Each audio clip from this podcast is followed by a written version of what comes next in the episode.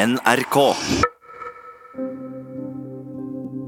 Sist gang snakka vi en del om hvordan Beate Marie vurderer sine egne tanker, og hvordan hun kan sjekke om det bildet hun har av virkeligheten, stemmer.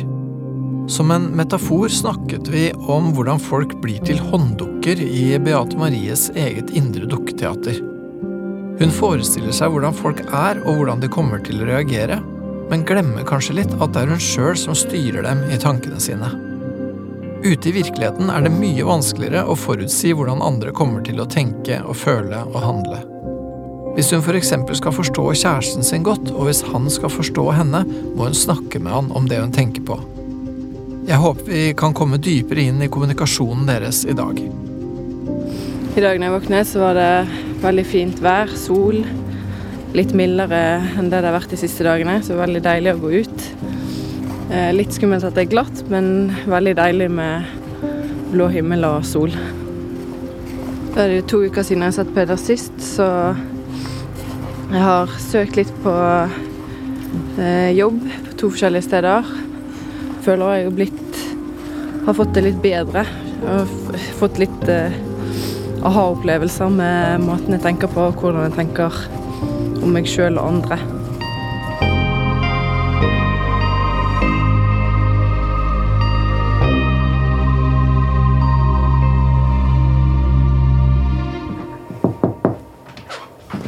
Hallo. Ja, hei. Ja, du var uh, syk i forrige uke, mm. så det har gått 14 dager. Ja.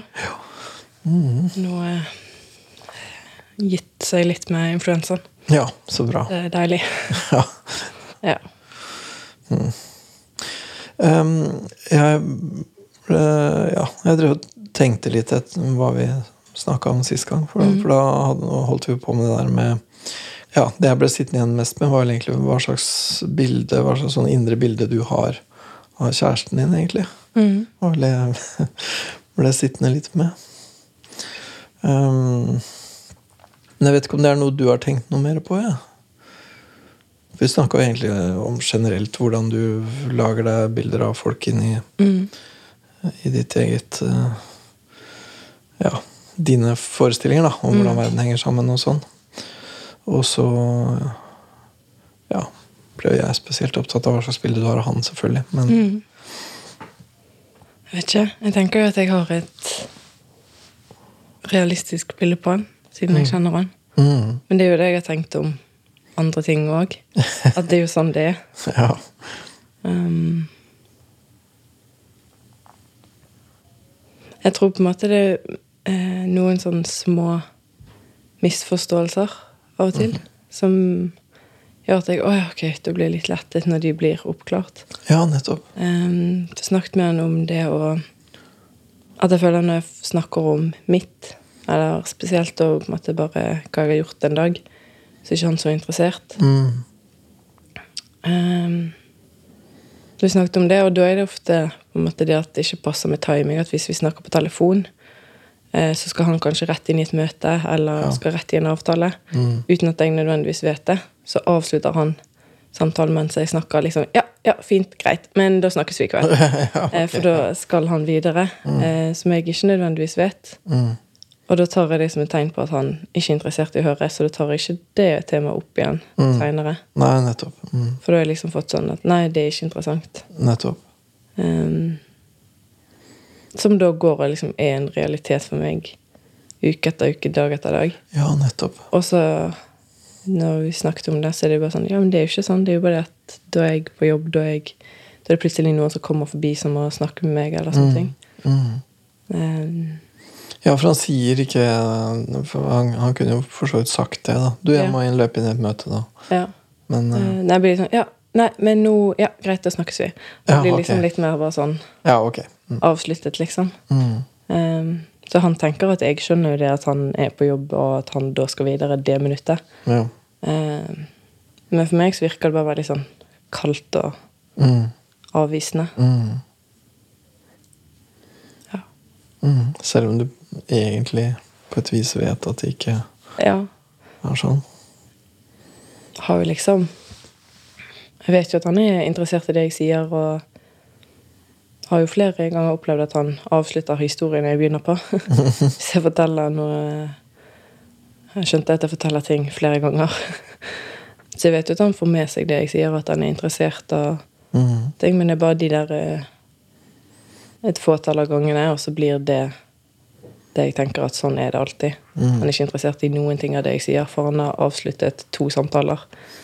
Og så blir det liksom så stort. Ja, riktig. Ja, nettopp. At, at da generaliserer du det på en måte til at han egentlig ikke er interessert i noen ting av det du sier. Mm. Ja. Ja, det er jo ganske ille. Ja. Jeg merker det det er liksom Hadde litt sånn aha-opplevelse helgen etter at jeg var her for to uker siden. Eh, så kjørte jeg til mine foreldre. Eh, og kjæresten min har kjøpt seg en ny bruktbil. Eh, så det var første gang jeg kjørte den liksom langt, og så var det glatt føre. Eh, så var det siste bakken opp til mine foreldre er ganske bratt. Så da ble jeg stående liksom og, og måtte jobbe, og så sklei jeg så gradvis. Så måtte jeg stoppe ja. og ta bakkestart. Og det klarte jeg ikke, for det var så glatt. Ja. Ehm, så da måtte jeg ringe til mine foreldre. Så det var heldigvis bare to minutter unna huset. Etter at jeg hadde kjørt i over to timer. Og liksom det hadde stoppet. ja, typisk. Ehm, så da satte min stefar seg inn i bilen og bare kjørte bilen opp. Og det gikk jo Måtte liksom jobbe litt. Og så oh, ja, men han fikk det til. Han fikk det til. Ja, veldig god til å kjøre. Ja. Um, og så satte jeg meg inn i bilen som de kom med, da, så kjørte meg og min mor opp. Mm. Og så skulle jeg kjøre hjem igjen på søndagen i den bilen til Oslo. Og da merket jeg hele den helgen så grudde jeg meg til det. For det at eh, det var sånn Ja, men jeg klarer jo ikke den bilen. Ja, det er så glatt. Og så det er jo mange oppoverbakker til Oslo. ja, riktig. Um, Ja. Og da gikk jeg og grudde meg grådig mye hele helgen. Hmm. Uh, Så tenkte jeg sånn Å ja, ok, men er det mulig at kjæresten min kan komme opp hit og kjøre han ned? Nei, det blir for mye tid. Kanskje en av mine foreldre kan kjøre han ned og så ta toget opp? Altså Det var mye sånn for, for å prøve å unngå ja, å kjøre sjøl. riktig. Og så sa min stefar at nei, men nå tar vi og setter oss i bilen, og så kjører vi ned den bakken, og så kjører du. Og så kjører du opp igjen. Og så skal Nettopp, så han kjørte ikke, han, det var du som kjørte? ja, da satt han på.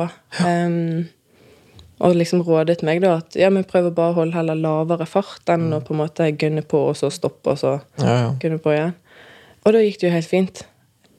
Eh, med en gang. Eh, vi kjørte liksom bare den bakken en gang, og da var det greit. Og da merket jeg bare helt sånn Er det dette jeg har gått og grudd meg så Mm, lenge til i hele, hele halve helgen? Mm, Um, og sånn er det med så mye ting. akkurat. Hvis um, jeg liksom får en sånn liten indikator på at 'å nei, dette går kanskje ikke', Mm. Uh, og hvis jeg ikke får noen andre bekreftelser på at 'jo da, det går greit', så blir den lille bagatellen så grådig stor. Skjønner. Og så er det liksom Ja, da er det det jeg forventer, at det skal gå dårlig. At jeg Ja. ikke klarer å komme meg opp den bakken, og at det kommer kollisjon eller Ja, ja, det skal skje et eller annet ubehagelig, liksom. mm. Og så fikk du da en, den aha-opplevelsen gikk på at oi, sånn tenker jeg visst ganske ofte. Dette Mm. driver jeg med, liksom. Ja. Og jeg merker på en måte av og til når det skjer òg. Sånn som den helgen. Mm. Det var sånn Ok, men jeg, jeg klarer jo helt å kjøre hit. Jeg har jo hatt lappen i mange år. Jeg har jo kjørt over fjellet til Bergen mange ganger. Mm. Midt på vinteren. Ja. Eh, så hvorfor er jeg liksom så usikker nå? Hvorfor er jeg så redd nå? Jeg var eh, veldig redd for å kjøre. Ja. Så jeg merker at jeg på en måte tror at jeg er hva skal jeg si, mer mottagelig for sånt nå enn det jeg kanskje var tidligere. Mer mottagelig hvordan? At jeg på en måte bryter meg sjøl litt fortere ned. At jeg føler meg litt svakere. Å ja, sier du det? Ja. At du er mindre på en måte robust liksom enn en Ja. du har vært eh, før? Mm. Ja. Hm. Jeg er liksom blitt avhengig av et annet menneske. Aha. Av samboeren min. Um, Og det, det har gjort at du på en måte blitt avhengig av han på en sånn måte at du nesten har fått mindre tro på deg sjøl, eller? ja, jeg har liksom bodd alene siden jeg var 17 til jeg møtte han. Ja. Og jeg har alltid liksom vært selvstendig og klart meg sjøl og Ja. klart å ordne hvis det er noe som har blitt ødelagt. Og... Ja. Men nå er det ikke sånn. Nå er jeg en av to. Og så føler jeg meg svakere enn han, tror jeg. ja. Um, så liksom i forholdet mellom oss to så føler jeg meg som den svake. Mm. Som den som trenger hjelp, trenger trøst. Ja. Litt sånn, litt sånn sårbar part, på et vis. Mm. Mhm. Som på en måte jeg ikke har tenkt tidligere Hmm. på samme måten. -hmm. For da har jeg bare hatt meg sjøl. Og da har det jo vært sånn som jeg har Hvis jeg har hatt en kveld der jeg har trengt å grine ut, så har det vært greit, for det er sånn jeg har hatt det hjemme. Men med han så blir det vanskeligere, for da er jeg redd for at han skal tenke at det er så veldig trist, eller at jeg er så veldig lei meg, istedenfor at på en måte det er litt bare sånn utblåsning eller sånn rensing. Ja. Og nå trenger jeg å grine litt. Ja, bare litt sånn vedlikeholdsgrining. Ja. Skjønner. Um, fordi vi har forskjellig på en måte forhold til det å grine. Mm. For jeg, fordi hvis han griner, så Da er det en på en måte større grunn til det enn det når jeg gjør det. Ja, du gjør det lettere, på en måte. Ja. Mm. tror jeg. Da, da føler jeg meg liksom Ja, men jeg griner jo. Jeg er jo litt lei meg i dag. Jeg er litt sånn um, han er ikke nødvendigvis den samme typen som blir så veldig fort lei seg av ting på samme måten. Mm. Det går litt fortere over. Mens det gjør det ikke nødvendigvis med meg. Og da føler jeg meg liksom som ja, den svakere av oss to. Jeg skjønner. Og hvordan, hvordan har det skjedd, på en måte, det da? At du har Ja, for du var jo, som du sier, da, selvstendig og sterk og mm. ordna opp og trengte du å grine, så gjorde du det. Det er noe med det at jeg liksom skal ta hensyn. Mhm. Skal liksom ikke bruke den, de kveldene vi har, bare oss to, til å sitte og bare si at nei, jeg vil sitte litt i fred og bare grine. Uh, Nei, han ville synes det var uh, ja, for- vanskelig, vanskelig å forholde seg til, eller vanskelig å skjønne, eller et eller annet sånt, eller? ja, men jeg tror vi er veldig forskjellige på det, fordi Ja, for han, han kan jo ikke si 'ja, jeg bare går og griner, du, jeg sitter Ja. her». det, det går jo ikke, ikke sant? Nei, fordi han har sagt at de gangene liksom, jeg har vært sånn lei meg, eller han registrerer det, så blir han sånn veldig med en gang at han tenker Å, hva er det jeg har gjort? Å, han tenker det! Ja. ja. Ehm, sant? Og da når jeg vet det, så vil jeg ikke gjøre det enda verre. At Nei, jeg det sitter og da skal grine. Det skjønner jeg. Fordi at jeg har tenkt mye på min far den dagen, f.eks. Ja, for det kan være sånne ting. Ja. Ja, nettopp. Ehm, og det er jo ingenting med han å gjøre. Nei. Men da har jeg behov for bare å sitte og grine. Men da har ikke jeg lyst til å gjøre det. Så holder jeg det liksom litt inne fordi jeg har ikke lyst til at han skal være redd for at han har gjort noe feil. Skjønner. Så jeg merket i går kveld så har jeg vært på jobb eh, ni timer og drevet med varetelling. Så jeg var liksom helt sånn kokt i hodet. Mm. Og så kom jeg hjem seint, og så var kjæresten min på jobb seinere. Eh, så skulle han dra ut med en kompis etter det. Um, så da var jeg aleine hjemme. Så satt jeg og strikket og så på en serie på TV. Så jeg liksom hadde noe i hendene. Og så når jeg la fra meg og tok av TV og gikk inn på badet, så merket jeg at jeg ble bare helt sånn tom, på en måte. Eller sånn Å, ja. Og bare begynte å grine og grine og grine. Um, og gikk og la meg og bare fortsatte å grine. Og da det liksom, tenkte jeg mye på min far. Ja. For nå driver jeg liksom og skal prøve å søke på eh, ny jobb og få jobb som syerske. Eh, Og det er fortsatt ikke helt avklart om jeg og kjæresten min skal flytte. Bytte leilighet. Oh, ja. Ja, det det der, ja. Mm. Så det er liksom litt sånne ting som skjer, og hver gang litt større ting skjer, da, eller når det er noe mer enn bare å bytte middagsrett, eh, som er litt større hendelse, så blir jeg tenker jeg ofte mye på min far. Alt han ikke får sett. Å ja, ja, Mm. det er klart. Alt han ikke Han fikk ikke liksom treffe min første kjæreste. Han fikk ikke se meg Nei. gjøre ferdig skole. Han fikk ikke Nei, og det hadde jo vært fint, selvfølgelig. mm. Ja. Så er det liksom så mye Som jeg selvfølgelig ville hatt han for. ja ja, og da blir du litt sånn ettertenksom og Mm. går litt inn i det. Mm. For det er liksom sånne påminnelser hele tiden. Det er Selv klart, om-. Selv om nå har jeg levd mesteparten av livet mitt uten han. Ja, Um, ja, og det er jo i seg sjøl trist, på et vis. mm. Jeg husker jeg hadde telt Jeg er veldig glad i tall. Um, så jeg hadde liksom telt nøyaktig på dagen hvilken dag jeg hadde levd halvveis med min far og uten. Mm. Um, Du tenker mye på det der. ja. Så jeg er liksom på en måte vant med å ikke ha han der. Men det betyr ikke at det ikke er vondt. Det høres ut som at, det, at det, er, det er ikke bare det at han ikke er det, men han er mye i tankene dine. Han er liksom veldig sånn aktivt ikke der, for å si det sånn. Mm. Da. At, det, det er ikke bare det at han ikke er der, men han mangler, liksom. Mm. Ja. Det er liksom noe med det at alt han Alt han ikke har vært med- på. Mm, det skjønner jeg veldig godt. Så Altså, jeg snakker jo ikke med min mor hver dag. Jeg treffer ikke henne hver måned. Men jeg har henne der. Hver gang det er noe nytt, så snakker jeg med henne om det. Ja da, og, og du vet jo at hun følger med på deg og Mm. følger med på ditt liv og syns sikkert det er interessant. Og, Ja. Og så får jeg vært med på hennes liv òg. ikke sant? Som, og så blir jeg kjent med henne på en helt ny måte nå i forhold til det Mm. når jeg var elleve. Det er litt, eh, ja, ikke sant? Det er noe av det som er spennende. Ja, blir mer eh, Ikke nødvendigvis likestilt, men jeg skjønner henne bedre som en voksen Det blir mer en person for deg, vet du. ja, Mm. enn det når jeg var liten, så var det bare mamma kunne og visste alt. Ja, ja. Som jeg har skjønt at hun ikke kan. Har noen huller her og der. ja.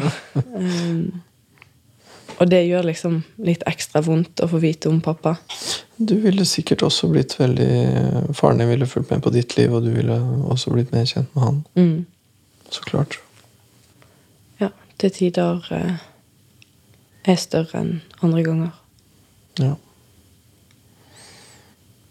Og det gjør selvfølgelig eh, Ja, det kan jeg jo godt forstå at da i sånne overganger, og når det skjer noe når det er spesielt, og sånn, så blir det savnet Mm. mer. Da blir det tydeligere for deg. Det er klart det gjør det. Ja, For det var liksom de gangene han var mest tydelig for meg, på en måte. Mm, ja, ja. Når jeg var liten, så jobbet han mye og hadde mange reisedager. Um, og hadde hjemmekontor, så når han var hjemme, så jobbet han òg en del. Eh, Jeg husker alltid på nyttårsaften og julaften. Og han var jo hjemme, men jeg var ikke den som sendte oss av gårde om morgenen og Nei, nei. lekte med oss om kvelden. nei. Så han var liksom alltid med på de litt større tingene, da. Mm. Som forbinder han veldig med, og liksom derfor blir på en måte vondere da nå. Ja, det er klart det. Mm. Ja Men øh, snakker du med kjæresten din om dette her? Nei. Nei. Veldig ledende spørsmål. Burde du det? Ja. Jeg merker at jeg har um, For dette her er en stor del av ditt liv, mm. faktisk. Men så er det litt den barnslige tanken om at Men han kommer ikke til å skjønne det. For han har ikke mistet noen. Eh, men han kommer i hvert fall ikke til å skjønne det hvis jeg ikke snakker om det. Garantert ikke. Eh, Han kan helt sikkert ikke skjønne det 100 det tror jeg ingen kan. Nei. Men øh, jeg vet ikke, når du forteller og du legger det fram sånn, så jeg, jeg kan ikke si at jeg egentlig liksom har tenkt på det akkurat sånn som du sier det. Men jeg føler at jeg skjønner hva du mener. mm, Det er ikke så umulig å forstå, er det det, da? Nei. Jeg vet ikke. Nå vet jeg jo selvfølgelig ikke om jeg forstår det riktig, da. Men det er noe med det at eh, Hvis det har vært noe trist, eller hvis det har vært noe som ikke har gått sånn som jeg eh, tenkte at det skulle, f.eks. når jeg ikke fikk den eh, første sømjobben jeg sydde, nei, søkte på, Ja. eh, så sånn, sånn Ja, ja, men da finner du noe annet.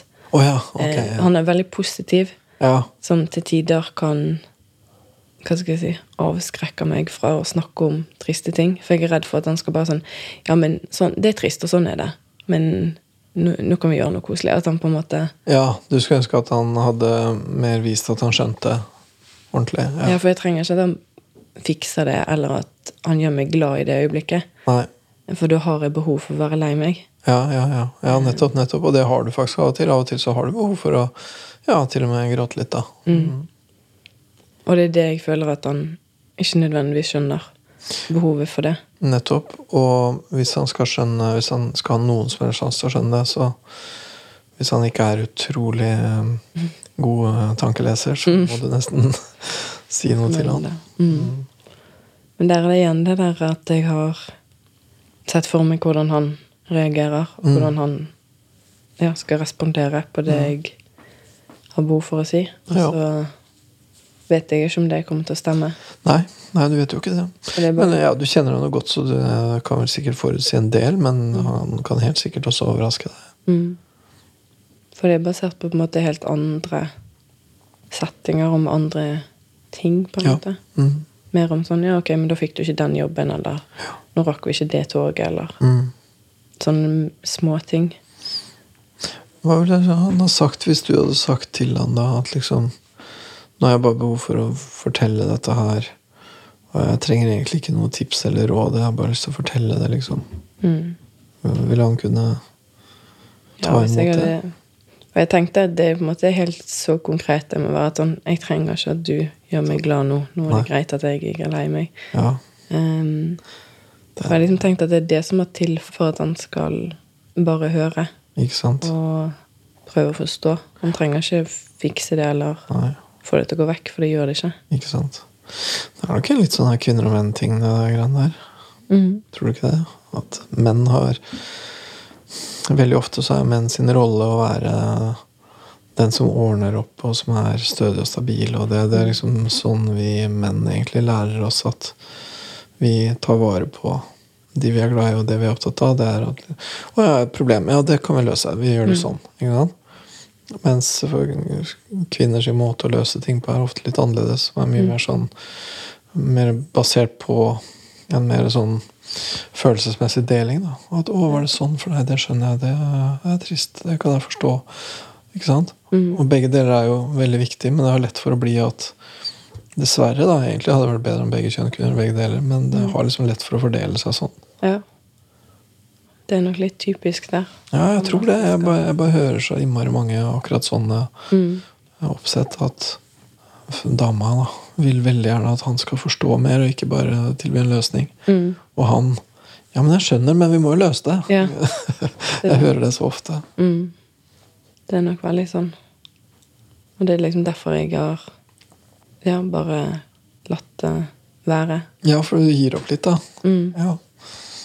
Tar det heller sånn utblåsning eller sånn når jeg er aleine. Eller så tar du det med en venninne, gjetter jeg. Men uh, Og det er, jo, det er jo greit, det, men det hadde vært bra for både han og for deg om han kjente deg også på det planet, da. mm. det er noe som er en del av meg, og en veldig stor del av Veldig, oppveksten. veldig viktig del av deg, skjønner jeg, og av hverdagen din, faktisk. Så Men, men, men la oss si at du hadde sagt det. At nå som vi driver og lurer på å flytte, og sånne ting, så er det forandringer i livet mitt. Og da tenker jeg på faren min, for jeg skulle ønske at han hadde vært her og fått sett det. Jeg skulle så ønske at han kunne Og da blir jeg litt sånn sentimental, og da blir jeg trist, og da gråter jeg litt. Hvis du hadde sagt det, hva tror du han ville ha sagt? tror jeg ville ha sagt at ja, ok, det skjønner jeg. Og ville han ha skjønt det, da? Nei, eller Han ville prøvd i hvert fall. Det er noe med det at eh, Det er én ting å skjønne at det er trist, Mm, men det er en annen ting å kjenne det. nettopp. Og der, og der tror jeg nok at han kan sikkert leve seg inn i det en god del, men helt sikkert ikke helt. Nei. Det tror, jeg, det tror jeg du har rett i. At han kan ikke liksom skjønne det fullt og helt. Mm. Så, men det er jo bedre han skjønner litt enn ingenting. I hvert fall at han vet at det foregår. For det er, Han vet hva det er for noe, da. Når, for det er veldig veldig trist hvis han da blir veldig løsningsfokusert og tenker at ok, nå, ok, kjæresten min har det trist og leit, eh, er det noe med meg? Hvis han begynner å tenke sånn, da, som jo er egentlig helt naturlig Hvis du er litt sånn løsningsorientert, handlekraftig, så tenker du det. Hva kan jeg gjøre? Hva har jeg gjort? Det er en naturlig tanke. mm. Og hvis han skjønner jeg er lei meg, så er det sånn Ja, ok, men da kan vi gjøre noe gøy. Da kan vi Og det er liksom ikke akkurat det jeg trenger da. Nei. Så um, det er liksom dette med små misforståelser og Ikke sant? Og, for, for nå har vi jo snakka en del om hvordan du lager deg et bilde av andre og av han i ditt hode, men han lager seg også et bilde av deg i, ditt, i sitt hode, selvfølgelig. Ja. Det merket jeg ble litt overrasket over når han sa at ja, de gangene du er litt stille, eller han registrerer at jeg er lei meg, så blir han helt sånn Ok, det jeg har gjort. Og så tenker jeg sånn Ja, men det er jo ingenting med deg. Eh, tenker jeg sånn Å ja, men det er sånn han oppfatter det. Er det han tror at foregår inni ditt hode. Mm. Så da fikk jeg litt sånn Det ble litt sånn overrasket. Å ja, ja. Han òg har litt de der eh, sånne typer tanker. Mm, helt sikkert. Um, som er godt at det ikke bare er meg. men òg som blir uh, blir sånn Nei, men sånn er det jo ikke. Mm. Jeg har liksom merket at siste tiden at det er bare alle sånne småting som på en måte plager meg eller gjør meg trist, eller som jeg går og tenker på, eh, må jeg liksom bare si til han rett ut, istedenfor at han skal gå og tolke noe feil, eller at jeg skal gjøre det tilbake. Som virker så enkelt. Det virker så enkelt, og så er det ikke det. Og jeg, og jeg lurer jo hva, Hvorfor er ikke det så enkelt? Hva er det som gjør det vanskelig? Og det høres ut som noe av det som gjør det vanskelig, er at din forventning om at han skal forstå, er ikke så høy. Nei. Så det er én hindring, egentlig. Mm.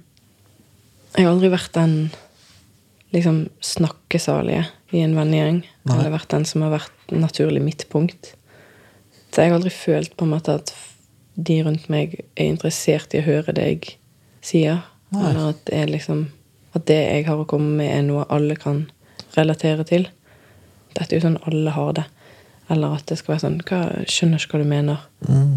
Eh, Ja, at enten skal være helt alminnelig eller helt uforståelig. mm. Men dette trenger vi ikke å snakke om. Dette sier jo seg sjøl.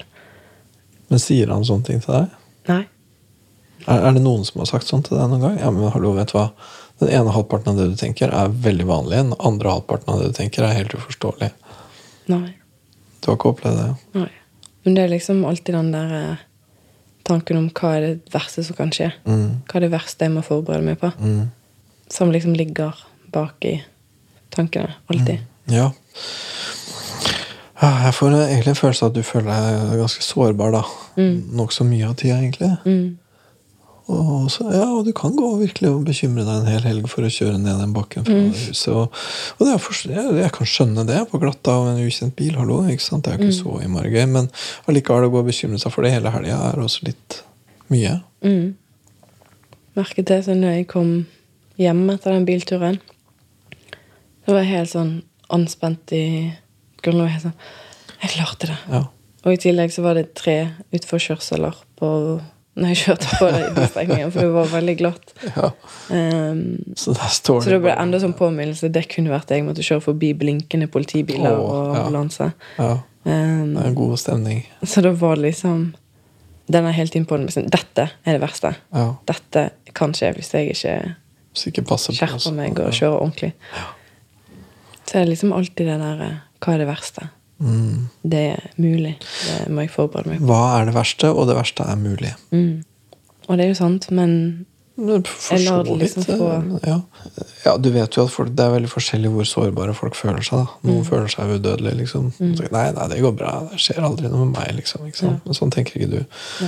Og noen tenker jo ikke sånn eh, helt fra naturens side. Ikke sant? Men jeg, jeg kommer jo litt tilbake til det. Da, at du har jo også opplevd å være veldig veldig sårbar. Liksom. Mm. Du har opplevd situasjoner hvor du virkelig ikke har hatt kontroll. Og du har opplevd å, miste en som du virkelig trengte. Liksom. Så Mm. du har jo opplevd at det verste kan skje. Så det er jo ikke noe sånn Det er jo ikke noen rar tanke at du tenker det. Du, du vet hvor skjørt ting er, liksom. Mm.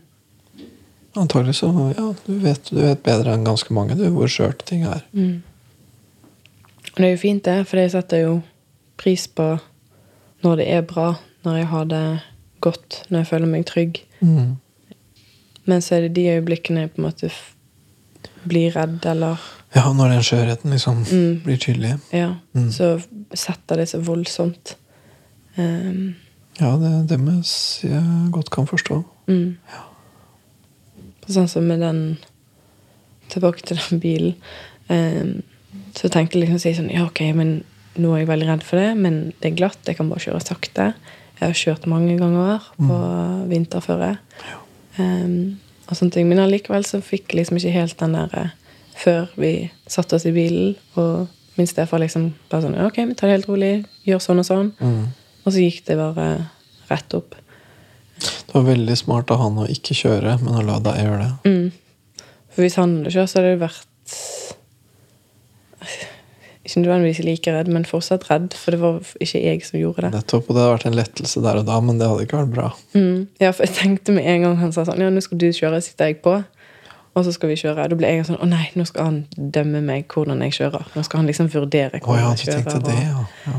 Eh, men når vi først satt i bilen og fikk kjørt ned og skulle opp bakken, så var det liksom veldig sånn Yes, nå, nå går det i hvert fall greit, for nå er han her. Eh, og hvis jeg ikke klarer det, så får vi bare prøve igjen. Og så klarer jeg det. Så da var det en lettelse. Så da merket jeg at det, hvor mye makt på en måte jeg ga den frykten, og hvor lett Ja. det var å få den vekk. Ja, du merka det? Ja.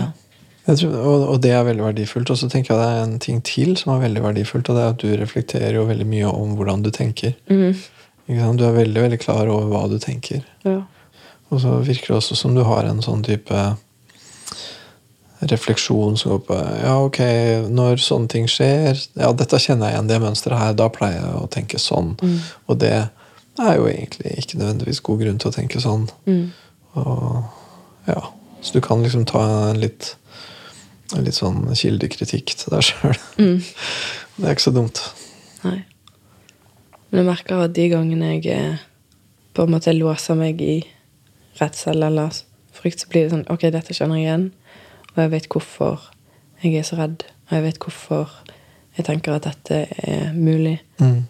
Og da blir det liksom bare forsterket, for jeg har fått det bekreftet tidligere. Så da går det liksom mot sin hensikt. Mm, gjør det. Mm. Kunne, jeg kommer litt tilbake til det igjen. Ja, men kunne du hatt lyst til å fortelle kjæresten litt mer om hvordan du tenker? Hvordan, hvordan du tikker og går, liksom? Ja. Men da er det igjen dette voldsomt plag- planleggingsbehovet. At eh, hva skal jeg si? Hva skal jeg si først? Hvordan skal jeg få det han til å forstå hva jeg mener? Mm. Eh, hvor lang tid skal vi bruke på det? Mm. Hvilken Ja, du får en behov for å lage rydde det Ja, ja. sånn. Da blir det med en gang hvilken dag. Nei, det kan ikke være den dagen, for da jobber vi motsatt, eller sånne ting. Så det blir med en gang sånn voldsom planlegging. Ja, jeg skjønner. Og gjør det mye større enn den er nødvendigvis. Ja, det høres ikke ut som den planlegginga egentlig er så nyttig. Nei. Nei. Det er liksom den der illusjonen over at jeg har litt kontroll. Ja, ja, ja. Det er illusjonen om kontroll. Det har Mm. du helt rett i. Det tror jeg nok er eh, riktig. Mm. Ut fra det du sier, så er det vel god grunn til å tro at det var bedre å ikke ha kontroll. Litt Mm. det samme som det er, det, var, det er bedre om det er du som kjører. Mm. Det er litt samme. Ja. Tror jeg må øve meg på å ta ting når de er små.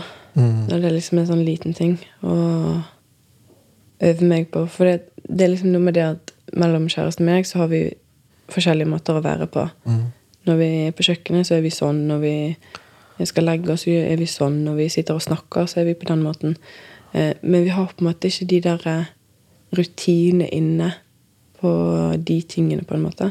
Og det å snakke om ting som er Ja. sånn spesielt og sånn. Ja, om sånn Jeg føler ikke vi har noe ja, rom eller rutine for Ok, nå setter vi oss ned og Nei, snakker om min far, eksempel. Nei riktig. Du har, dere har ikke noe sånn format for det? Nei.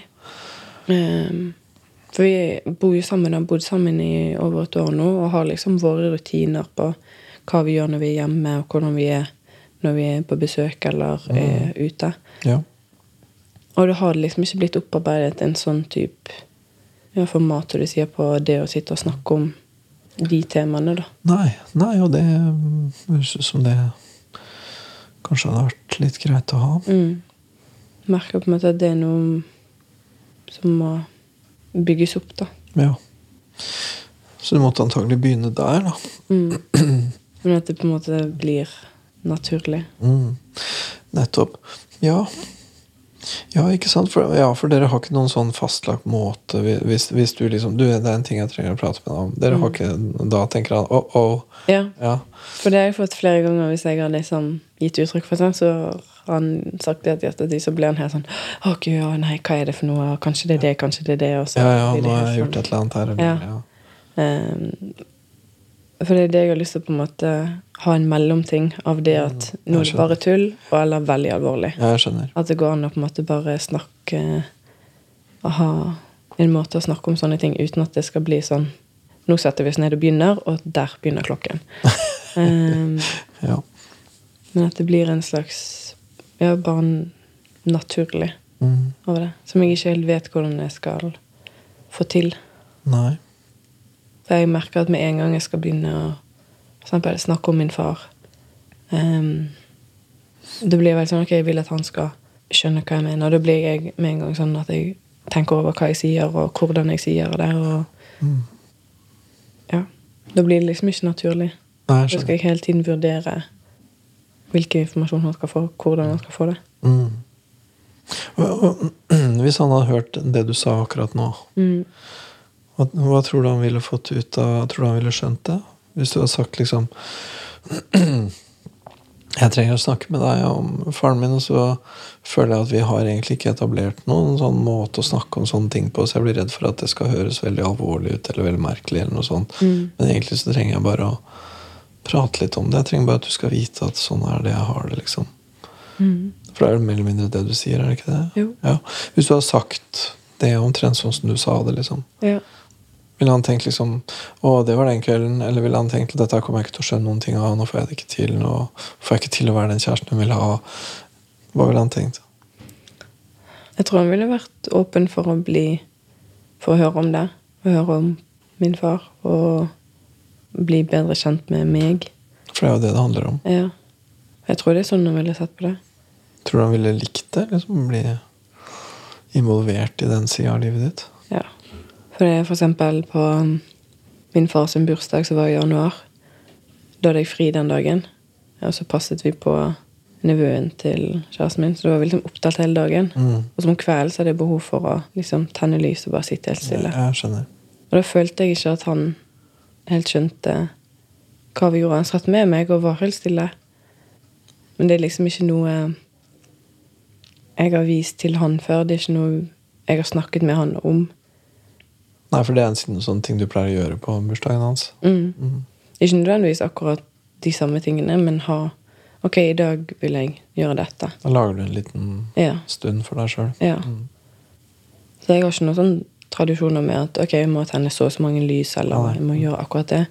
Av og til kan jeg ok, i dag skal jeg skrive et brev, eller Mm. i dag skal jeg tenne lys, eller et eller annet sånt. For det da tenker jeg på min far i de øyeblikkene. Mm.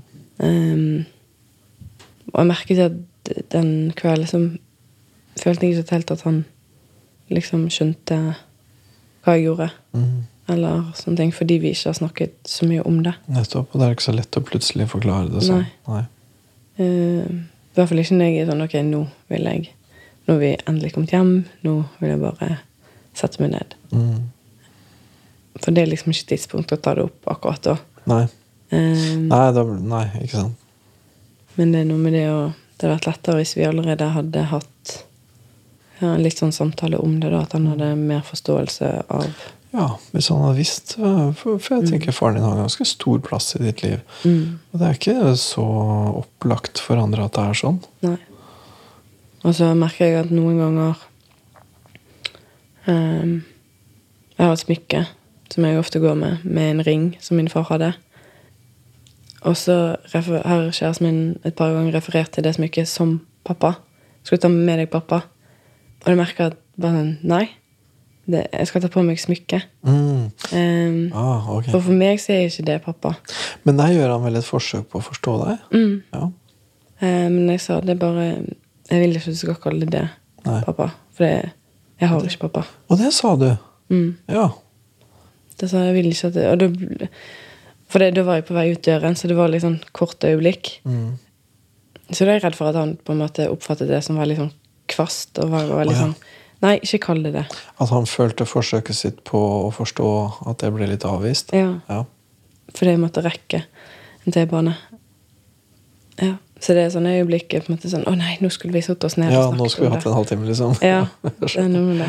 Um, for det er ikke alltid det ikke alltid det passer å sette seg ned og snakke Nei. med. Selv om på en måte øyeblikket var der. Jeg tror du har rett i det, at eh, forholdet deres mangler litt den der mellomsonen mellom, mellom veldig alvorlig og mer sånn tøys og er lett og ledig. Mm. Men denne sonen imellom, hvor ting er liksom viktig, men ikke fælt, liksom, men Mm. bare viktig, Ja. det, eh, den sonen mangler litt. ja. Mhm. Jeg merker liksom de gangene vi setter oss ned, så tenk, tenker jo jeg òg at det blir sånn Ok, nå er det Ja, ja, ja. noe veldig alvorlig. Ja, for dere har liksom ikke det der mellomrommet. Nei. Nei. Det er liksom å finne ut hvordan vi skal få etablert det. Mm, ja. Er det noe du kunne ha tatt opp med han? Mm. Tror du han kommer til å skjønne hva du mener? Ja. Mm. ja. Det er vel kanskje om kvelden når vi har lagt oss, som er på en måte det nærmeste. Ja. Eh, til Ja, for da er det litt ro, liksom. Ja.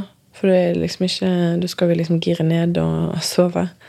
Så jeg tror det liksom er de nærmeste sånn type samtaler vi har. Mm. Der det er ja, mellomting av gøy og alvor. Mm. Men jeg merker det er mye logistikk. Sånn, ja, når du skal på jobb i morgen? Ja, ja. Kommer du hjem? Hva, Ja. litt sånne ting. ja da, og det må jo også ordnes, for så vidt. Mm. Så, men det er òg en sånn hverdagslig viktig ting Mm. å få tatt opp. Så ja, kanskje prøve å få den type samtale til andre steder i leiligheten enn før Ja. vi oss. Ja, eller kanskje, den, kanskje akkurat den samtalen kanskje kan utvides til å også omfatte Mm. den typen ting. Jeg vet ikke hva som er naturlig for dere. Men da, da ble jeg med en gang sånn Ok, nå må vi legge oss tidligere for å Ja, ha mer tid til å snakke. Og at det ikke blir langt ut i natten. Ja, det, det skjønner jeg jo. Men, eh, men ja. Men å finne en eller annen sånn type Mm. rom til den typen prat, da. Ja. Mm. Vi må nok jobbe litt for å få det inn. Inn i hverdagen. Ja, ja. For det høres ut som Ja, det er en liten sånn ting som hadde vært verdifull. Mm. Ja, litt mer sånn På en måte bli enda dypere kjent med hverandre, da. Ja.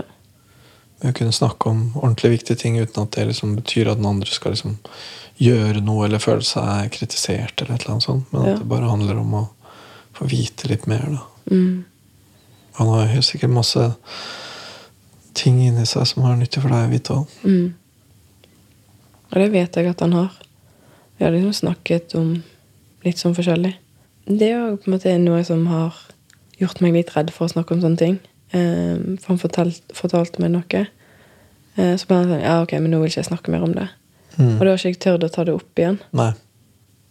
For jeg er redd for å liksom presse han. Ja, Eller ja. han at jeg skal dra ting ut av han. Eh, for jeg vet at jeg syns det er veldig ubehagelig hvis noen prøver det på ja. meg. Ja, ja. det, er jo Eh. ikke noe, ikke noe bra. Nei. Så um, det å prøve å åpne for et sånt rom der det kan komme naturlig, og at det er Mm. trygt, kan nok være greit for meg, og kanskje for han etter hvert. Mm. Du vet Nå husker jeg faktisk ikke om jeg har sagt akkurat den setningen til deg, men du vet psykologtrikset der, vet du. Det, det er sånn eh, Det er en ting jeg lurer på, og du må bestemme sjøl hvor mye du vil si om det. Mm. Jeg, bare si det du har lyst til å si om det, men jeg lurer på? Mm, det har jeg sagt før. Jeg har sikkert sagt det til deg òg. Ja. Og det er jo fordi at jeg virkelig mener det. Ja. At eh, så Sånn sett så er det ikke et triks, da. Men, men det er en måte å prøve å åpne et rom, Mm. eh, og samtidig få sagt at her er døra, jeg kommer ikke til å dytte deg inn. Mm. Ja. For jeg vet med meg sjøl at jeg er ikke den som på en måte åpner opp lettest. Nei, du er forsiktig, og det, det må jo vi som prater med deg, bare respektere. Mm. For det, jeg husker søsteren min sa det at hun følte liksom ikke at hun kjente meg så godt. Mm. Eller at hun bare, men hvorfor snakker ikke du med meg om ting? Og så, for mi, i mitt hode, Hvis noen spør meg ja, hvordan går det, så er det sånn Jo, det går fint. Hvordan går det med deg? Og så kan vi begynne å snakke. Mm. Eh, mens hvis søsteren min treffer meg og spør meg hvordan går det, og jeg ikke liksom legger ut om hvordan jeg har det akkurat i det øyeblikket, så føler hun at jeg ikke svarer på spørsmålet. Ja, hun vil ha mer. Så det er noe med det at jeg føler at det å si 'hei, hvordan går det med deg', ehm, det er ikke en genuin interesse for 'ok, hvordan har du det'? Mm. Ehm, det er mer bare en sånn høflig måte å hilse på. Ja da. Ja, det varierer jo litt hvor interessert Ja. man egentlig er. ja. Um, så det holdt på å si, jeg svarer jo ikke nødvendigvis alltid helt ærlig på de der 'hvordan går det'? Nei. Men hvis du liksom setter oss ned, og personen jeg snakker med, jeg sier sånn som deg 'ok, nå lurer jeg på dette, men du velger sjøl hvor mye du vil si', eller 'men jeg er interessert, og du kan åpne til meg'. Ikke sant? For det er jo det det betyr. Mm. Da er det på en måte Da er det greiere for meg å snakke om det. Mm. Um, men jeg har ikke lyst til at jeg skal presse på, eller liksom påtvinge meg hvis de spør på sånn 'Ja, hei, hvordan går det?' Ja. måten. Og så svarer jeg sånn 'Nei, nå skal du høre.' Så snakker jeg i en halvtime. Ja. um, og så sier de sånn eh, ok, ha det. Og så må de gå. Um, har ikke lyst til å misoppfatte Så sier du ja, ja, ja, ja, ja men vent nå, ja.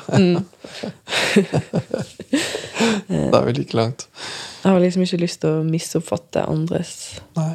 um, Jeg har lyst til å vite at den personen jeg snakker til, faktisk vil vite hvordan jeg har det, eller faktisk bli kjent med hvordan jeg er.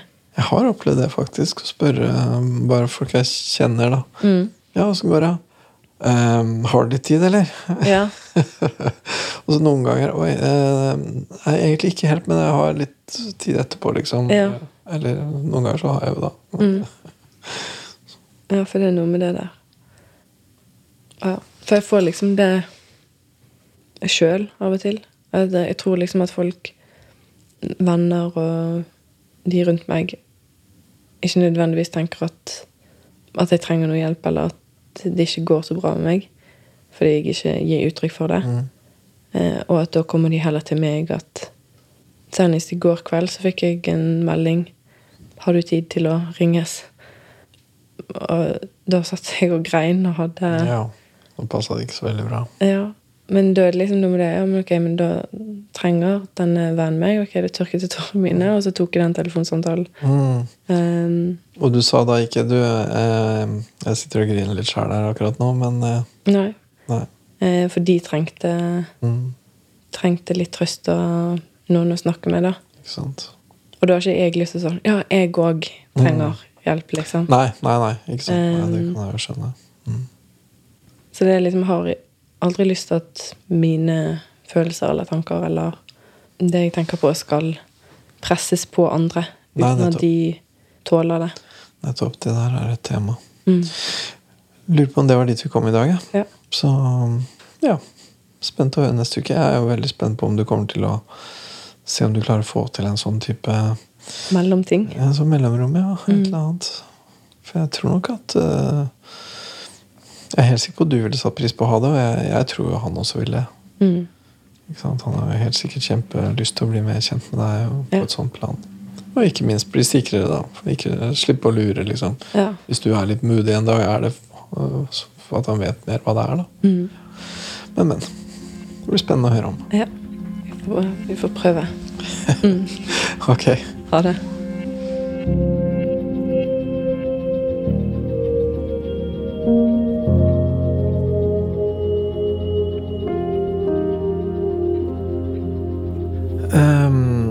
Kom å, jeg kom til å tenke på en drøm som jeg hadde for en god stund siden, og som jeg vet at egentlig er en relativt vanlig drøm som mange har.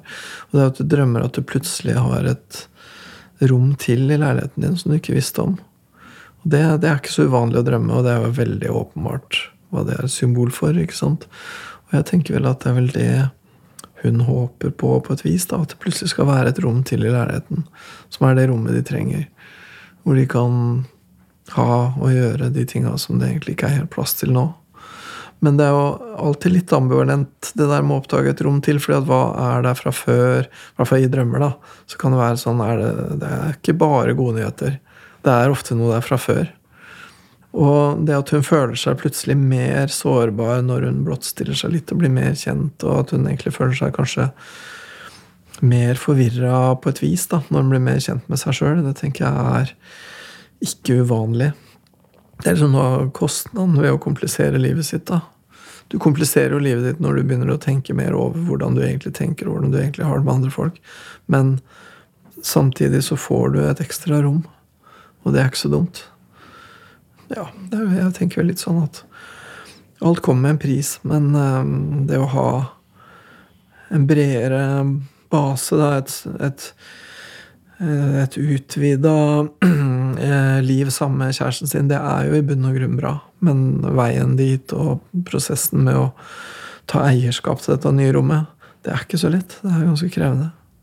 Jeg tenker at Den usikkerheten hun kjenner på nå, jeg er ikke sikker på om det nødvendigvis er en sånn usikkerhet som man skal prøve å bli kvitt. Um, Det er mer en usikkerhet som er realistisk, da. Så, det, er noe, det er noe som er sånn. At uh, den der følelsen av at andre tenker og føler annerledes enn deg sjøl og skjønner ikke nødvendigvis hvordan du tenker og føler, det innebærer jo en mulighet for å snakke om ting og bli mer kjent. At man kan jo bare dele det, da. Men samtidig, baksida av det er at det innebærer en på et vis en slags eksistensiell ensomhet. Da. At andre kan aldri kjenne deg helt. Du kan aldri kjenne andre helt. Det vil alltid være noen hjørner og kroker som, uh, hvor du er aleine. Og jeg tenker det her med hva det faktisk innebærer for henne å ha mista faren sin, og hvilken posisjon han har i livet hennes fortsatt. Det er ikke så lett for andre å forstå det 100% og i det så ligger det en form for ensomhet som hun egentlig bare blir nødt til å ha. Men den trenger ikke å være så stor. Hun kan jo snakke om veldig mye av det. Og jeg er sikker på at når hun snakker om det med kjæresten sin, så kommer hun også til å få en masse innblikk i hans uh, mørke kroker. da. Og mørke kroker betyr ikke nødvendigvis skumle kroker, men også både gode og følsomme og verdifulle og fine ting også. Jeg tror at hun har veldig lyst til å snakke med kjæresten sin om dette her, og om hun får det til, det er jeg veldig spent på. Jeg tror nok at hun er litt sånn redd for å ikke få det til helt, akkurat som hun er litt redd for å ikke få til den der bakken. og at hun kommer til å klare det mye bedre enn hun tror.